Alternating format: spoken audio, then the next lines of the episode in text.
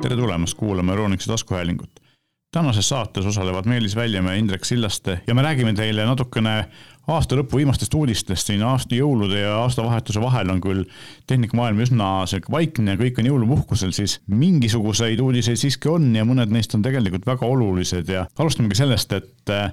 mitu olulist turvalisuse või sellise privaatsuse teemalist uudist on tegelikult olnud, mida, millele tasub päris palju tähelepanu pöörata, esimene neist on see, et eh, suur paroolihaldur ehk siis ähm, salasõnade nii-öelda hoiukoht LastPass, ähm, mida, millest me oleme siin rääkinud ja mida me oleme siin aeg-ajalt ka soovitanud, teatas, et äh, nende suvises andmelekkes on siiski kaduma läinud või jalutama läinud või ära virutatud ka või kopeeritud siis tegelikult on õigem öelda, äh, kasutajate paroolihoidlad, ehk siis see, see, see andmekogu, kus siis nende klientide paroolid on, kõik andmed, kõik andmed. Ja noh, nad on küll niimoodi krüpteeritud, et, et LastPass ise või siis see firma, kes seda teenust pakub, ise siis neid kasutajate andmeid ei näe, eks ole, aga kui juba see krüpteeritud andmehunnik kätte saadi, siis tõenäoliselt on nüüd aja küsimus, millal hakatakse neid siis äh, crack ima ja millal need ka kuskile mustale turule üles pannakse, mis äh, iseenesest tähendab seda, et soovitav oleks kõigil oma LastPassi konto peal olevad paroolid olnud paroolid ära muuta. Ja mina vaatasin, ma läksin küll eelmine aasta äh, siis, kui LastPass hakkas oma tavalise teenuse eest raha küsima, läksin ähm, nende pealt Bitwardeni peale üle, mis on kas siis täiesti tasuta või siis tasuline pakett on neil märgatavalt soodsam. aga ega siis mina olen klassik inimene, ma usun, et neid äraminejaid oli tol hetkel ilmselt väga palju, noh, kindlasti kümneid tuhandeid, kui mitte sadu tuhandeid või miljoneid, aga ega siis keegi neist tegelikult LastPassi kontot ära ei kustutanud ja see jäi alles ja, ja siin ongi see probleem, et me isegi ei mäleta, eks ole, et meil see konto veel olemas on. ja mina vaatasin, et mul on Bitwardenis äh, üle kolmesaja parooli ja kasutajakonto andmete ja tegelikult ilmselt enamus neist on ka LastPassis olemas ja kui ma peaksin hakkama nüüd, mis tuleb tõenäoliselt ette võtta, kolmesajal kontol paroole vahetama, siis see on väga-väga suur töö. okei okay,, et tegelikult noh, selles mõttes saab äh, ju mingi mõistlikum lasta nende paroolihalduritel see parool ise genereerida, eks ole, mingisugune keeruline ja selline, mida niisama lihtsalt meelde jätta, see on üks nende noh, nende mõtteid ongi see, eks ole, et sa ei pea äh, ise välja mõtlema paroole meelde jätma, vaid see paroolihaldur jätab parooli meelde sinu eest, eks ole, ja sina kasutad seda just seda põhipasspordi ongi kõik, aga see on suur töö, mis tuleks siiski ära teha sest et kui ikkagi mingite väga oluliste kontode andmed, noh, õnneks Eestis pankade sisselogimised ei käi niimoodi, eks ole, aga, aga ma ei tea, Google'i, Apple'i ja Microsofti kontod, kus on eh, kogu su elu sees, kui need on seal, eks ole, siis noh, sellised asjad tuleks kindlasti ära vahetada. ja loomulikult igasugustel asjadel, kindlasti tuleks vaadata ka seda, et teil ei oleks mitmes kohas eri, erinevatel saitidel samad paroolid, eks ole, ja samad kasutajaandmed. see on jumala klassika asi, et Just. palju, palju sul mitme, mitmel asjal sul üks ja sama parool peal on päris mitmel. jah, mul on sama teema. eriti, eriti juhtub see siis, kui muidu ma teen ka samamoodi, ma lasen Bitwalderil selle parooli genereerida, aga kui ma pean tegema sellises kohas, kus mul ei ole sellele ligipääsu või mingi muu takistus, siis ma ikkagi teen selle nagu, näiteks kui ma eh, installin mingi uue äpi omalt telekasse ja siis ma teen seal konto, siis see puldiga, eks ole, siis ma teen võimalikult lihtsa parooli kohe, eks. ja see on, on probleem. ma olen teinud endale niimoodi, et äh, mul on äh, neli, eh, viis erinevat parooli, ma tean, mis mul on. mul on nii, et mis on nagu siuksed nagu väga suured asjad, nendel on üks, mida, parool, mida ma kõige vähem üldse kasutan. ja siis on siuksed noh, ongi mingisugused äh, võib-olla lihtsalt Netflixi konto, kus on lihtsalt mingi filmi vaatamine, seal on mul sihuke ka sihuke suht easy pandud, et parooli mm -hmm. vahetamine läheks kiiresti ja sellised noh, ütleme mm, väga niisugused vähe kasutatavad asjad või siuksed noh, noh, nagu enda jaoks nagu suht niisugused äh, mitteolulised asjad, nendel ma kasutan niisugust lihtsat parooli mm -hmm. ja, ja rohkem. ja siis äh, sellistel, mida nii-öelda enda jaoks tähtsamaks asi läheb, seda siis äh, selline nii-öelda pikem või siis seda haruldasem parool seal peal mul on. kuigi ma jah, ka ise kasutan seda aeg-ajalt selle Google'i nii-öelda soovitusliku ehk noh, see Chrome siis soovitab sulle selle Just. kummalise ja keerulise parooli, aga seda jah, tihti see, kui sul on vaja kuskilt trükkima hakata, siis pead selle kuskilt nii-öelda andmetest välja otsima, et siis selle, selle, see on mingi kakskümmend viis kohta vist või kakskümmend neli kohta on seal vist sees, et selle siis see trükkimine on sihuke päris sihuke ettevõtmine. üks asi, mis äh, minul on silma jäänud, on see, et ega paljud äh, firmad ei tee ka seda parooli kasutamist nagu lihtsaks, sest et äh, mina olen noh, üritanud ikkagi seda, et, et paroolihaldur määrab mulle keerulise parooli ja siis ta kasutab seal mingisuguseid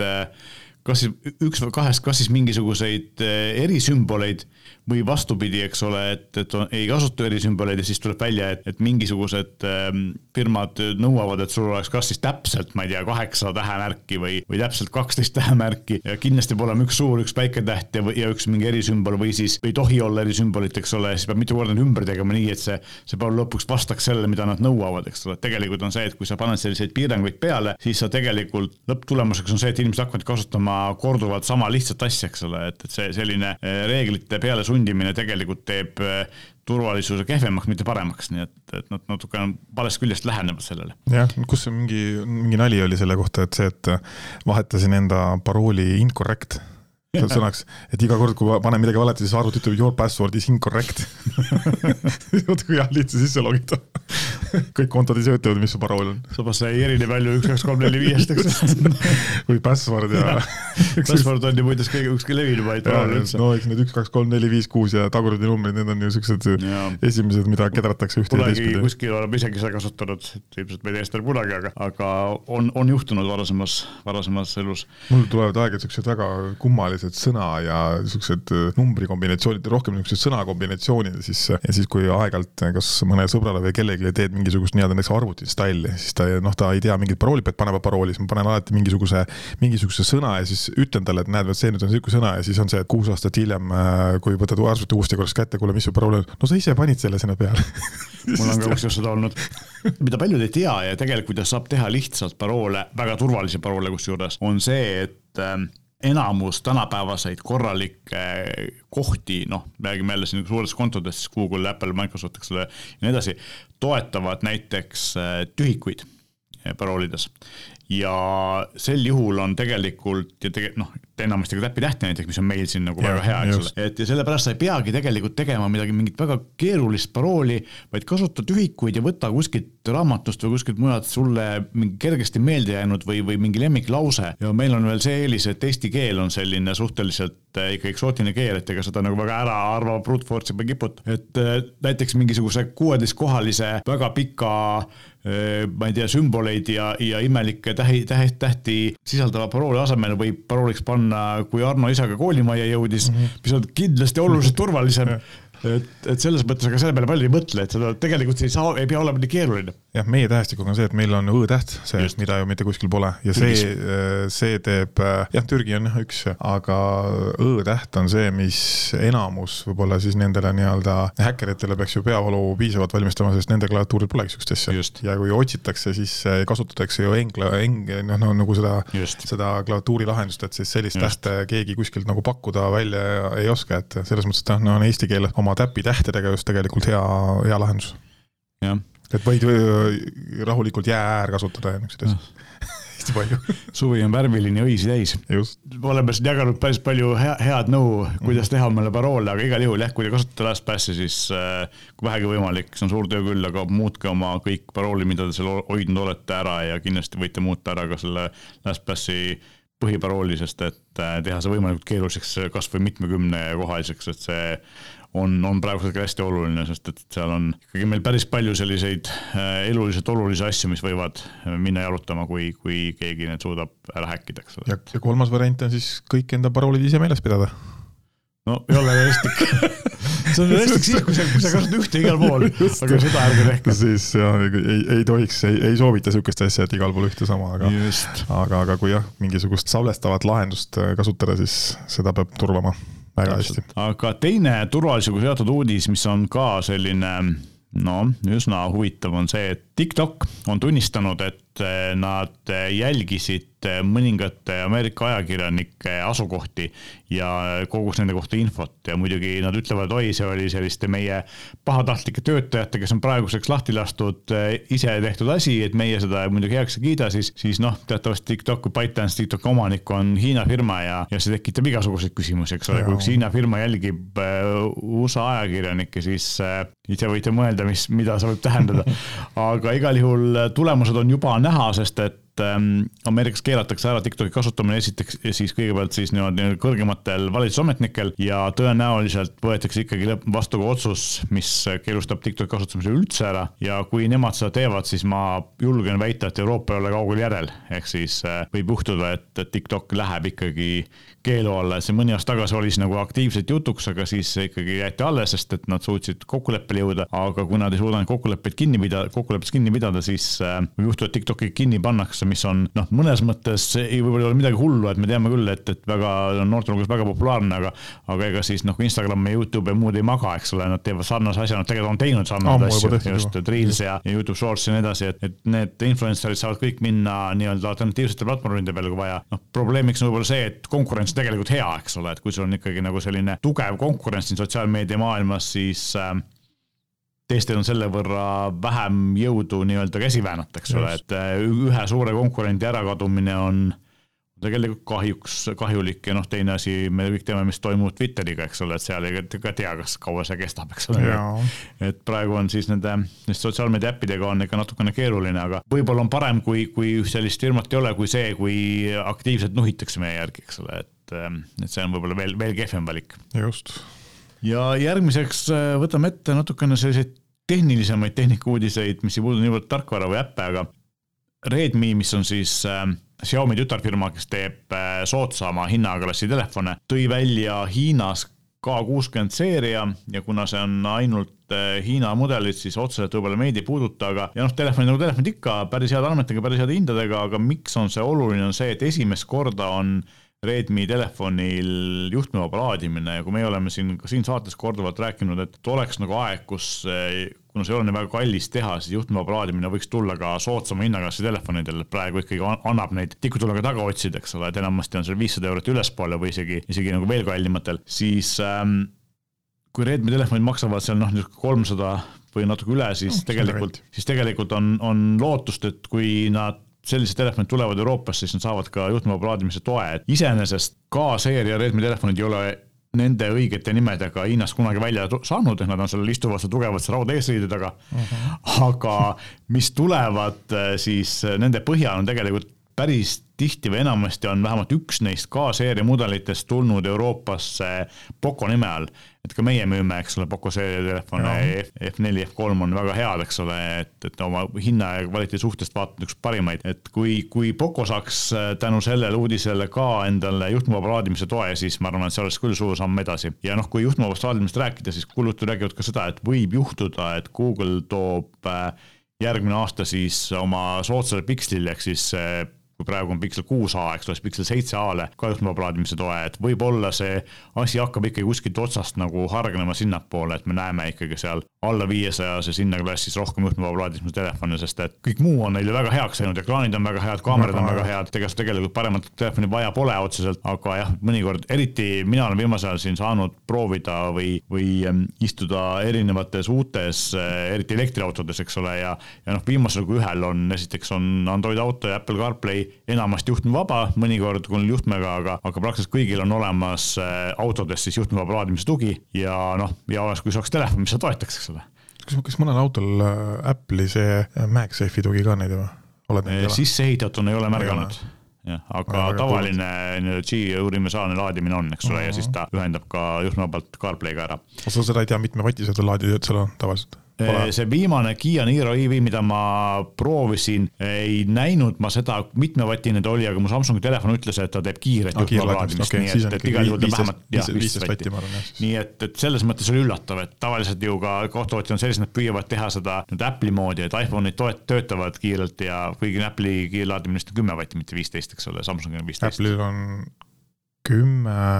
Samsungil on viisteist, tegelikult on tal lihtsalt MagSafe'iga ongi kiirem Ja, tavaline on kümme, aga MagSafe'iga on Apple'il kiirem. jah, et ühesõnaga noh, tegelikult on see, et, et äh, ühtegi MagSafe'i logo ma kuskil peal ei ole näinud ja ühtegi magnetit ma ka nagu, mis hoiaks niimoodi kõvasti kinni, ei ole ka näinud, nii et ma imestan, kui need tuleksid, eks ole. aga praegu sisse ehitatuna ei ole paistnud, aga iseenesest jah, et, et, et see näitab seda, et tegelikult on ikkagi aeg sinna juhtmeva plaadimise peale minna ja noh, ma üldse imestaks, kui nüüd, kus Euroopa Liit teeb USB-C kohustuslikuks need kuulujutud või, või spekulatsioonid võivad tõele vastata, et Apple teeb siis selle seadusega ennast ühilduvaks mitte niimoodi, et ta paneb oma iPhone'idel USB-C pesad, vaid siis, siis kaotab üldse juhtmed ära ja jääbki ainult MagSafe'iga laadima. kontrollisin igaks vahepeal järgi, et äh, kui jah, sa kasutad äh, Apple'i telefonil, mis toetab juhtmevaba laadimist, ehk siis kaheteistkümnest edasi,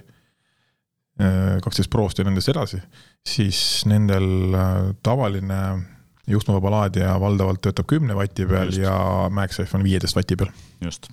ehk siis sama kiire kui, kui Samsungi. noh, MagSafe eelis on muidugi see, et ta on täpselt seal vastaseks, sest see pool on alati õiges asendis, eks ole, et ta on alati kõige, kõige optimaalsemalt küljes seal ja, ja see. no ta hoiab ennast jah. elektri liikumine on kõige, kõige efektiivsem, kõige otse. ja kui me juba rääkisime siin sellest, kuidas Euroopa Liit teeb USB-C kohustuslikuks, siis Indias plaanitakse, India on veel suurem turg kui Euroopa turg, eks ole. just Eh, plaanitakse lisaks siis sellele, et, et sama asja teha ka nuti- ja spordikellade laadimist teha ühe pistikuga laad-, laetavaks ja see on palju-palju keerulisem. ma ei oska öelda, kas üldse võimalik on, sest et, et noh, fakt on ju see, et kui me vaatame oma käe peal olevat kella, siis, siis USB-C-d sa kuidagimoodi seda ei mahuta, see ei ole, see ei ole võimalik. pesana küll keeruline Just, teha. et see võtaks nii palju ruumi ära, et see, see ei ole võimalik. ja teine asi on see, kuidas seda siis efektiivselt teha niiskuskindlaks, sest et võrreldes telefoniga kell saab ikkagi niiskust käe peal olles kogu aeg, eks ole. ja sellepärast on tegelikult kellatootjad on läinud nagu ühte teed kahest, kas siis nagu Karmin kasutab või mõned teised kasutavad siis neid pogopinne või selliseid punktikesi metallist, eks ole, mille vastu siis juhe läheb. või siis kasutatakse juhtmevaba laadimist nagu Apple ja Samsung, eks ole. et noh, juhtmevaba laadimine tegelikult on selles mõttes parem, et see kellakorpus on täielikult kinni, eks. just, suletud süsteem. just, aga teistpidi on see, et, et ta teeb selle süsteemi kallimaks ja võtab rohkem ruumi, mida võiks ära kasutada aku jaoks, eks ole. Karminil on nüüd viimastel aastatel on ka uus selline laadimispesa, ma tean, et mõned teised tootjad kasutavad sama, mis on siis selline natukene otsapidi sisse minev, tugevalt see juhe on seal küljes, aga ta on ikkagi nende kogupiinid on Just, nende metallkontaktidega, eks ole. et noh, jube keeruline, kuna ei ole nagu olemas sellist ühtset, noh okei okay,, tegelikult äh, G juhtmevaba laadimine on põhimõtteliselt standard, eks ole, et seda võiks ju võib-olla nõuda, aga see tähendaks tegelikult seda, et äh, seal eriti India mõistes, kus on ikkagi müüvad odavad seadmed, mida odav ta on, seda rohkem ta müüb, eks ole, et eh, vaesem riik, siis eh, tegelikult eh, sinna on väga problemaatiline kõigile tootjatele panna, kästa panna juhtmevaba laadimist, kuna ette, et mingid paarikümne eurosed nutikellad maksavad kohe topelt rohkem, eks ole, et see, see ei ole vist väga jätkusuutlik. huvitav projekt ja tegelikult noh, mulle mõnes mõttes meeldiks, kui ka kelladel oleks ühine standard, aga selle tegelik elluviimine on palju-palju keerulisem, kui see on telefonide peal, et telefonide peal on pistik olemas, mida enamus nagunii juba kasutasid. Ja kella kellade puhul sellist asja ei ole ja isegi juhtmeva plaadimisega on ju praegu see, et, et kuigi Apple telefonide puhul toetab cheat, siis Apple Watchi tegelikult toetab, on mingisuguse natukene modifitseeritud standardiga, mis tavaliste laadijatega ei tööta, eks ole, nii et see on, on seal nagu natukene selline keerulisem. Apple Watchil või? tal vist on see polaarsus vist on ka teistmoodi seal, et ükski tavalaadija sinna alla kinni ei hakka. täpselt, et ühesõnaga jah, et, et kui Samsungil on, on samamoodi on midagi, midagi seal teinud, aga siiski enamus juhtmevabat laadijatega saab neid laadida kellasid, siis Apple'i omasid ei saa. Ühesõnaga väga-väga keeruline ja, ja selles mõttes on, on näha siis, mida, mida siis India valitsus selle koha pealt otsustab, aga selge on see, et ka neil on piisavalt, kuna turg on nii suur, piisavalt mõjuvõimu, et kui nemad on mingisuguse otsuse teinud, siis ilmselt ka tootjad enamuses vähemalt paratamatult peavad neid äh, käske järgima, sest et seal on väga palju potentsiaalseid kliente siis tuleb järgmine kell tuleb siuke silikonist punn on ees kuhugi laadimispesaga eraldi juhe ripub külje pealt väljas laadimiskaabel. no võib-olla nii hulluks ei lähe, see ei ole vist äh, võimalik, aga, aga eks me näe, et ma kujutan ette, isegi kui nad mingi uue standardi või mingisuguse äh, uue seaduse välja annavad, siis äh, sellele üleminek võtab kindlasti aastaid, et enne siin paari-kolme aastat me tegelikult mingit suurt muutust, ma usun, et ei näe. Vahepeal räägime natukene digitaalsetest assistentidest, et mina olen siin varem rääkinud, et äh, mulle tundub, et jube kurb on see, et me oleme nendega põrganud kuskile seina vastu, et noh, ma ei räägigi sellest, et siin me ei saa rääkida Google Assistant'i või Bixby või, või Siriga eesti keeles, eks ole, võib-olla tuleb see ka kunagi, aga, aga tegelikult me ei saa neid ka nagu panna tegema rohkem, kui, kui nad tegid viis aastat tagasi, eks ole. ja populaarne Youtuber äh, Marques Brownlee on teinud Äh, uue digitaalse assistentide, digitaalsete assistentide võrdluse. Viimasel tegi viis aastat tagasi ja seal on toimunud nagu tegelikult ikkagi muudatusi, et äh, nutikuses ei ole väga palju muutunud, aga mis on muutunud, on see, et kõik assistendid, kellel on otseselt ligipääs telefonirauale on või riistvarale või telefonile endale füüsiliselt on läinud palju efektiivsemaks ja Amazon ja Alexa, kes, Amazon ise ei tooda telefone, eks ole, on, aga ta töötab kõigiga, on läinud, jäänud kõvasti kehvemaks. mõnes mõttes on see seotud sellega, et kui sul on telefonile füüsiline ligipääs ja saad kästa teha rohkem nagu selliseid äh, asju, mida noh, ühesõnaga juhtida telefoni käskudega, eks ole. aga teine asi on see, et ta, ta jäi hätta ka päris palju sellistel väga lihtsates asjades, et eriti just sellistes, kus võib-olla oli vaja mingit infot ekraani peal näidata, et teatavasti noh, Alexa on ju äh, populaarne nii-öelda nutikõlarites, kus sa ainult juht, juhid teda heliga või häälega, eks ole, kus sa ei pea midagi näitama. aga eriti äh, jäi ta hätta selliste asjadega, kus oli vaja nagu kas näidata infot ekraanil või siis äh, mitut küsimust korraga, et näiteks, et ma ei tea, mis on selle kuulsuse nimi ja siis kui pikk ta on ja mis maal ta elab, eks ole, siis ta nagu, nagu kui ta sedasama nime uuesti ei öelnud või jätkasid seda küsimust loogiliselt, Google oli sellest kõige parem. Eh, Siri oli ka täitsa okei okay,, aga, aga Alexa jäi sellega nagu väga aktiivselt hätta.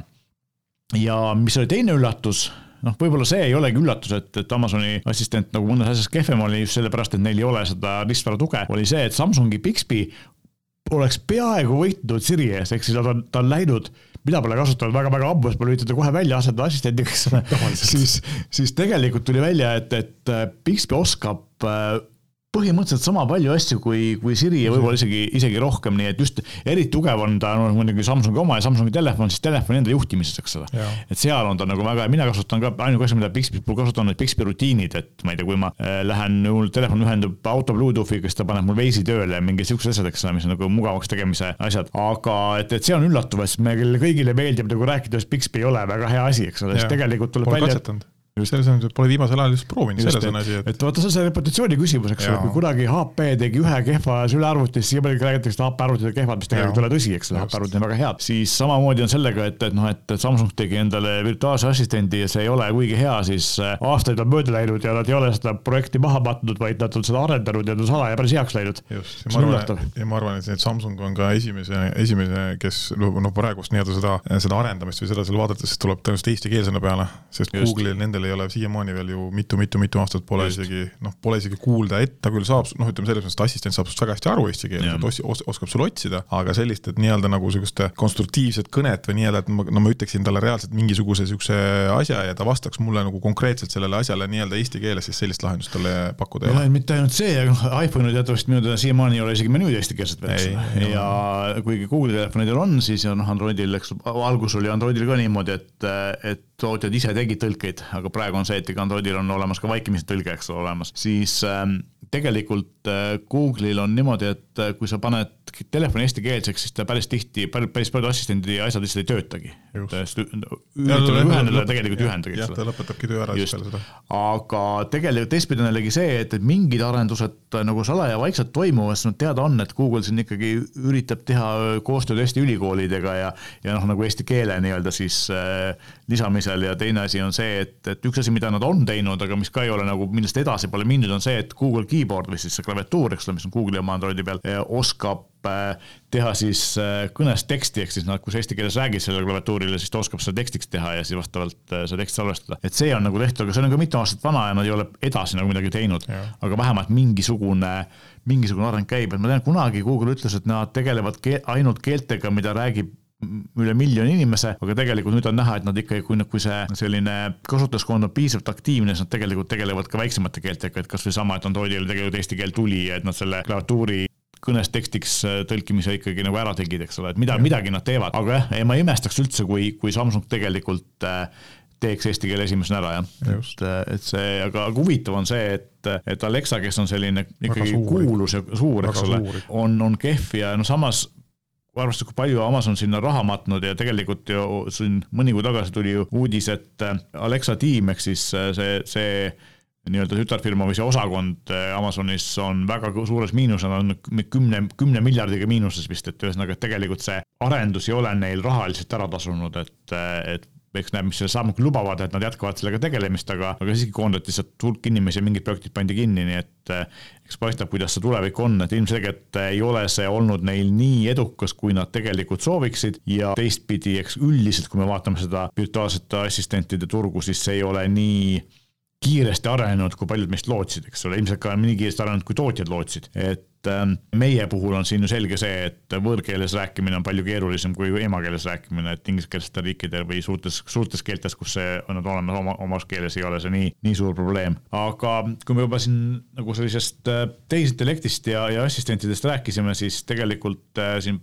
siin saade-paar tagasi me rääkisime sellest, et sel aastal on eriti aktiivsed ja edukad olnud erinevad tehisintellekti lahendused, üks neist on siis ähm, chat GPT, kes äh,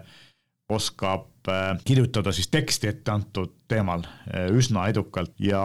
kui me rääkisime sellest, et koolidele on suur probleem, sest et lapsed kirjutavad juba, eks ole, väga palju kirjandeid tehisintellekti abiga osas, ehk siis juba keeruline selgeks teha, eriti sellistes keskkooli tasemel, et kas see on ise kirjutatud või see on tehisintellekti kirjutatud, sest et äh, see on nii äravahetusemine sarnane, et ülikooli tasemel veel, kus sa pead nagu oma mõtteid, siis professorid saavad ikka aru, et see võib-olla ei ole ikka päris sinu mõte, eks ole. aga see on keeruline, aga tegelikult hiljem ma sattusin ühe artikli otsa, kus räägivad siis ähm, Amazonis raamatuid välja andvad kirjanikud, sellised, kes mina olen ka mõelnud, et päris tihti on mõned kirjanikud, vaatan, et tuleb nagu raamat kuus või tihedamini, eks kui nad suudavad nii palju kirjutada, siis seal on ka ikkagi see, et, et antaksegi nagu teema ette, siis tehisintellekt kirjutab selle valmis, nad loevad selle üle ja parandavad, eks nad nullist enam ei tee, mis tähendabki seda, et varsti need inimesed, kes siin kirjutavad, noh, meil on veel see, et meil on selline väike eksootiline keel, aga küll ta kunagi jõuab siia ka, et tuleb mingi teine töö otsides ajakirjandus ja kirjanikude töö, kirjanike töö läheb varsti robotile. robotile jah, et ähm, ja see arendus on ikkagi, areng on nagu niivõrd äh, kiire olnud, et see on, see on seesama singularity efekt, millest räägitakse, eks ole, et ühel hetkel see tehisintellekt areneb nii kiiresti, et me ei saa enam, ei saa enam sellele järgi, on ju. ja tundub, et mingites, ähm, mingites teemades see ongi juba praegu niimoodi, et me olemegi selle lävepakul, kus, kus see hakkab juhtuma, eks ole. et see, see kirjutamine tegelikult on viimase aastaga on tulnud. see ongi, see on tegelikult isegi viimasel mingi jah, ma ei tea, mõne kuuga, eks ole, see on nagu. see deep, vahepeal oli see suur teema oli see deepfake ehk siis videode tegemine, aga see on kuidagi nagu no, tahaplaanile. Äh, kui see veel tuleb, tegelikult need ja eks tegelikult need Google ja teised sellised suured tehisintellekti tootjad kes üritavad nagu, nad üritavad natuke selle päitseid pähe panna just sellepärast, et see, see areng oleks liiga kiire, et seadused järgi jõuaksid, eks ole, mida on nagu väga keeruline teha, aga mis ähm, on lisaks sellele chat GPT-le ehk teksti tegemisele teine asi, mis on nagu väga sel aastal väga kiiresti arenenud, on piltide tegemine. joonistamine. just, et sa ütled, et tee mulle, ma ei tea, päikseloojangu kalapüüdev mees ja siis tuleb päikseloojangu kalapüüdev mees, eks ole. ja veel mitmes erinevas versioonis, et ma tean, et ka siin eile oli teine huvitav artikkel oli see, et üks Soome fotograaf äh, tegi oma kliendile pildid modellidega niimoodi, et nüüd on need modellide pildid on olemas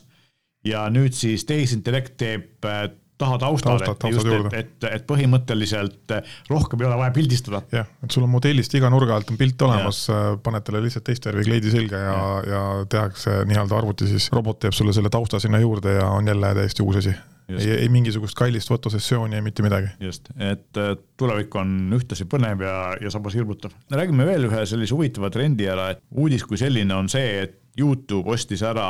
NFL Sunday Ticketi õigused, mis see on siis, on see NFL on, eks ole, American Football League, Nordic Football League Ameerika jalgpalli selline suur, noh nagu NBA või, või NHL selline suur liiga, eks ole mis on Ameerikas üks ilmselt kõige vaadatum spordiala üldse, eks ole. piletid on hästi kallid ja, ja see õigused, et seda, neid mänge edastada, on, on tegelikult hästi kallid ja siiamaani oli see DirecTV käes, kes on selline suur televisioonioperaator,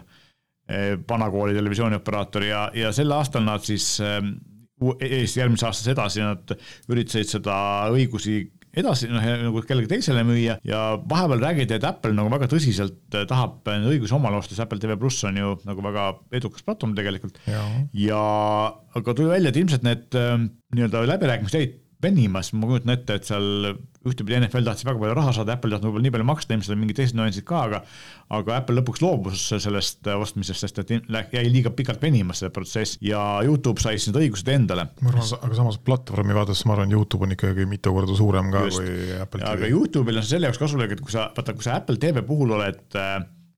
harjunud sellega, et kui sa tahad sisu vaadata, sa maksad, eks ole, noh, okei okay,, maksad mitte palju, on ju, viis eurot kuus, aga sa ikkagi maksad. Youtube'i puhul on see, et kõik on harjunud, et Youtube on tasuta ja seda premium sisu vaadatakse seal suhteliselt vähe, eks ole. siis see on tegelikult see asi, millega Youtube saab inimeste niimoodi ühesõnaga mindshare'i või sellist, saab, saab nagu inimeste meeltesse sellega, et ahah, et meil on ka nagu sellist kvaliteetset tasulist sisu, mille eest tasub maksta, eks ole, noh loomulikult Sunday Ticket on väga-väga kallis ta maksab ikkagi mitukümmend eurot, et või mitusada, mitte mitukümmend, et selle, ta on, ta on kallim kui enamus teisi eh, selliseid eh, spordiülekannete eh, pakette, et kui me siin näeme, et me saame siin, ma ei tea, kuuskümmend või seitsekümmend eurot, palju see aastas oli see WRC, eks ole, õigused WRC plussiga, siis seal on noh, sellist, sellistest hindadest me rääkida ei saa, eks seal on ikka sadades see, see minu arust nelisada dollarit oli see aasta või midagi sellist. iseenesest äh, huvitav on ka see selle poolest, et jätkuvalt on see, et, et see näitab seda, et tegelikult need ka spordiülekannete õigused lähevad sellistelt vanakooli klassikalistelt teleoperaatoritelt streaming'u või veeb, veebiteenuste peale üle, eks ole, et, et äh, ja, ja see on tegelikult nagu väga suur muudatus, mis viimasel ajal on toimunud, et see, see ja see toimub tõenäoliselt edasi ka, et samas me näeme ka seda, eks ole, et kõik äh, nagu just WRC-st just rääkisime, et kõik sellised need õiguste omanikud või, või korraldajad üritavad teha ka oma teenust, eks ole, mille kaudu seda pakkuda. sest et äpi tegemine on ju või mingi veebiteenuse pakkumine palju lihtsam, kui sa ei pea tegema telekanalit, eks ole, mis on võimatu. aga noh, Youtube'i plussiks on ikkagi see, et vaata, Youtube on ju reaalselt absoluutselt igas nutiseadmes. sul pole, sul enam põhimõtteliselt pole vahet, millest sa seda vaatad, on sul ja... telefon, tahvel, no kellast veel ei saa, aga kõik su telerid ja, ja, ja noh, arvutid on, no kõik, kõik on seda täis, et selles mõttes, et selle. läbi selle. just, et läbi Youtube'i noh, nüüd selle, niisuguse, niisuguse premium konto on olemas või siis sa teed eraldi selle, ostad selle nii-öelda teenuse sinna lihtsalt juurde, siis vaadata on ükskõik millises seadmes tegelikult seda jube lihtne. just, ja lisaks on siis sisse söödetud nii-öelda potentsiaalne vaatajaskond, et isegi inimesed ei tea seda, siis ma arvan, et Ameerikas piisab sellest, kui sinna Youtube'i kuskil üles nurka tekib bänner, et hei, jalgpalli tahad vaadata, kliki siia klikk peale ja, ja kohe mm, läks. pane oma kaart külge ja maksa ja saad. äpis on kõik tehtud sinu eest ära ja äkki äpp mäletab, et kui oled kunagi loginud, kuule, näed, kas selle krediitkaardi kohe, kohe klõps läks ja no ja, ja ongi kõik käes kohe. täpselt, et huvitav tulevik ja noh, uuel aastal kindlasti tuleb selliseid uudiseid veel ja üldse see selline voogedastusmeediaturg äh, ilmselt saab järgmisel aastal olema väga põnev, sest et sel aastal juhtus ju see, et iga ennast lugupidav Eh, firma, kes midagi tootis, üritas teha oma platvormi ja nüüd, kus ikkagi eh, energia on kallis ja, ja majandus kipub langema, siis ilmselt inimesed peavad tegema otsuseid, mida nad vaatavad ja kus nad vaatavad, mis tähendab ka seda, et ma kipun arvama, et siin hakkab olema mingisuguseid kas pankrotte, teenuste kinniminekuid või siis lihtsalt ühinemisi. ühinemisi võib-olla jah, lihtsam on maha müüa kui pankrotti lasta. just sest et kui sul on olemas need õigused, eks ole, siis õigusi saab väga suure hinnaga müüa, nii et, et selles mõttes on see, on see väga, väga huvitav. et uuel aastal on, on tegelikult ka teisi, et ilmselt me näeme seda tehisintellekti arengut väga aktiivselt ja ilmselt me siin teeme ka ühe spetsiaalse saate, kus me siis ennustame, mis, mis me järgmisel aastal näeme, aga sellest me siis äh, räägime varsti jälle. seekord aga tõmbame selle saate kokku, meie soovime teile head vana aasta lõppu ja uue algust ning äh, tuletame meelde, et kui te tahate meile kirjutada, siis tehke seda, meie meiliaadress on saade.euroniks.ee või jätke oma postitused meie Instagrami või Facebooki postituste alla, me loeme ka need läbi ja teeme loomulikult seda saadet vastavalt sellele, nagu teie soovite. meie aga täname kuulamast. kena päeva